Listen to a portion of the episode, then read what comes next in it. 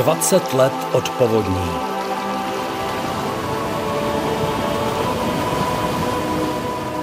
Je krátce před sedmou hodinou, já mám teď na telefonní lince Františka Vavrušku z Českého hydrometeorologického ústavu v Českých Budějovicích. Dobré ráno. Pojďme k tomu, jak to vypadá na řekách, zejména eh, v těch ohrožených oblastech tak dá se říct, že ohrožené jsou celé Jižní Čechy, protože třetí stupeň povodňové aktivity, to je stav ohrožení, je teď ráno na Vltavě, v Březí a v Českých Budějovicích, na Malši prakticky po celém toku, na Otavě v Písku, na Lužnici v Bechyni, na Volnice v Neměkicích a na Blanici v Heřmani. Tímto archivním záznamem jsme se přenesli do rozhlasového vysílání Českobudějovické stanice 8. srpna roku 2002. Ukázku z tehdejšího ranního vysílání moderovala Jitka Kramářová a Františka Vavrušku už jste určitě poznali také. Pršelo hodně a dlouho. Jen pro zajímavost, třeba v jihočeské pohorské vsi v Novohradských horách spadlo během dvou dnů 6. a 7. srpna 278 mm srážek. 8. srpna se pak vzedmula přívalová vlna, první ze dvou povodňových událostí léta 2002. Byť už ten den tolik nepršelo, zvednutí hladin se očekávalo prakticky všude. Na Českobudějovicku se nejvíce mluvilo o Malši a Římovské přehradě.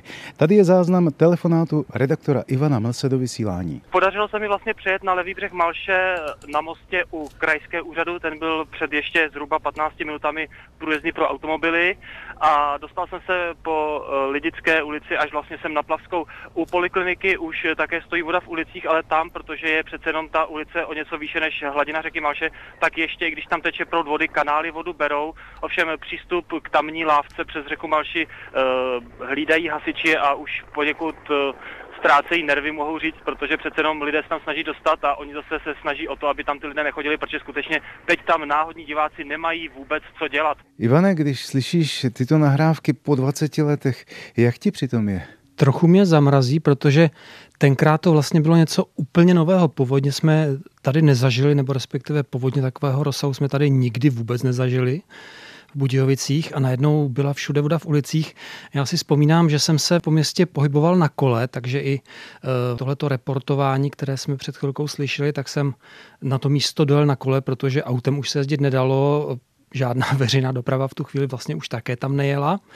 A uvědomuju si až zpětně, třeba mi došlo, co všechno se mohlo stát, protože sice to bylo úžasné dobrodružství, bylo to něco nového, člověk chtěl reportovat, informovat o tom, co se děje, ale až pak posléze jsme se třeba dozvěděli, že ta voda, která se hrnula, tak třeba vytlačovala víka od kanálu, takže se mi mohlo klidně stát, že jedu na kole ale jednou končím někde, protože jsem mohl zapadnout do kanálu. Jo. A pak si dobře vzpomínám, já jsem reportoval nejen tady z té jižní části Budějovic, ale pak jsem se byl zase na kole dívat, jak to vypadá na budějovických sídlištích a tenkrát před těmi 20 lety tady bylo celkem běžné při té povodni, že vypadával mobilní signál, takže nebylo možné se dovolat. A já si vzpomínám na to, že jsem na sídlišti Staroměstská šel do telefonní budky a reportoval jsem z telefonní budky, kde jsem stál po kolena ve vodě, měl jsem předplacenou telefonní kartu, volal jsem do studia, jak vypadá na sídlišti situace, což už by dneska možné nebylo, protože telefonní budky neexistují.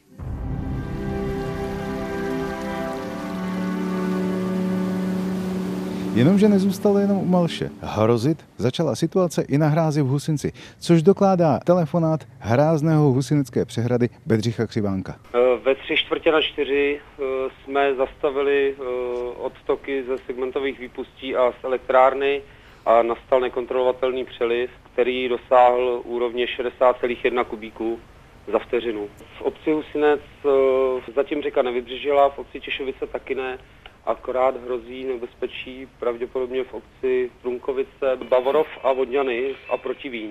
Ráno 8. srpna 2002 bylo tvrdé pro všechny, protože se s nedobrými zprávami začaly přidávat i další regiony. Ohrožené ale samozřejmě nejsou jen České Budějovice, jak už jsme vás informovali, je to i Třeboň. Na telefonní lince mám teď starostu Třeboně Jiřího Houtka. Dobré ráno.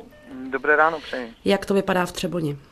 No tak eh, Třeboni na, na první pohled je situace klidná, nicméně o 4 hodin od rána e, mám informaci od generálního ředitele e, rybářství Třeboň, že hrozí protržení hráze rybníka podřezaný a protože samozřejmě pod tímto rybníkem jsou další rybníky, které už jsou dneska na maximu, tak by mohlo dojít k tomu, že by směrem na Branou a nakonec následně i na Třeboň mohla přijít určitá vlna. Voda před 20 lety zaplavila mnohá jihočeská města. Voda z Malše se v Českých Budějovicích zastavila kousek od hlavního náměstí, odřízla centrum od sídlišť Šumava, Maj a Vltava. Bylo evakuováno přes 2000 lidí. To, jak se vyvíjel první den povodní, přesvědčivě ukazuje souhrn zpravodajství s Pavlínou Fendekovou. Záplavy si zatím na jihu Čech vyžádali jeden lidský život, a to v Písku. Informace o utonulé ženě v Českých Budějovicích se nepotvrdily, policie o případu neví. V krajském městě nedošlo zatím ani k žádnému zranění. Na Kaplicku ale hasiči pátrají stále pomocí vrtulníku po neukázněném řidiči, který věl do proudu vody, která jej odnesla. Přednosta okresního úřadu v Českém Krumlově požádal o pomoc armádu, protože Pohorská ves je prakticky odtržená od světa kvůli spadlému mostu. Armáda pomáhá také na Jindřichohradecku a Strakonicku. České Budějovice jsou v současné době uzavřeným městem. Policie ze všech směrů preventivně nepouští do krajského města žádná vozidla. Do opadnutí vody jsou České Budějovice tedy uzavřeny. Zdeněk Zajček, Český rozhlas, České Budějovice. 20 let od povodní.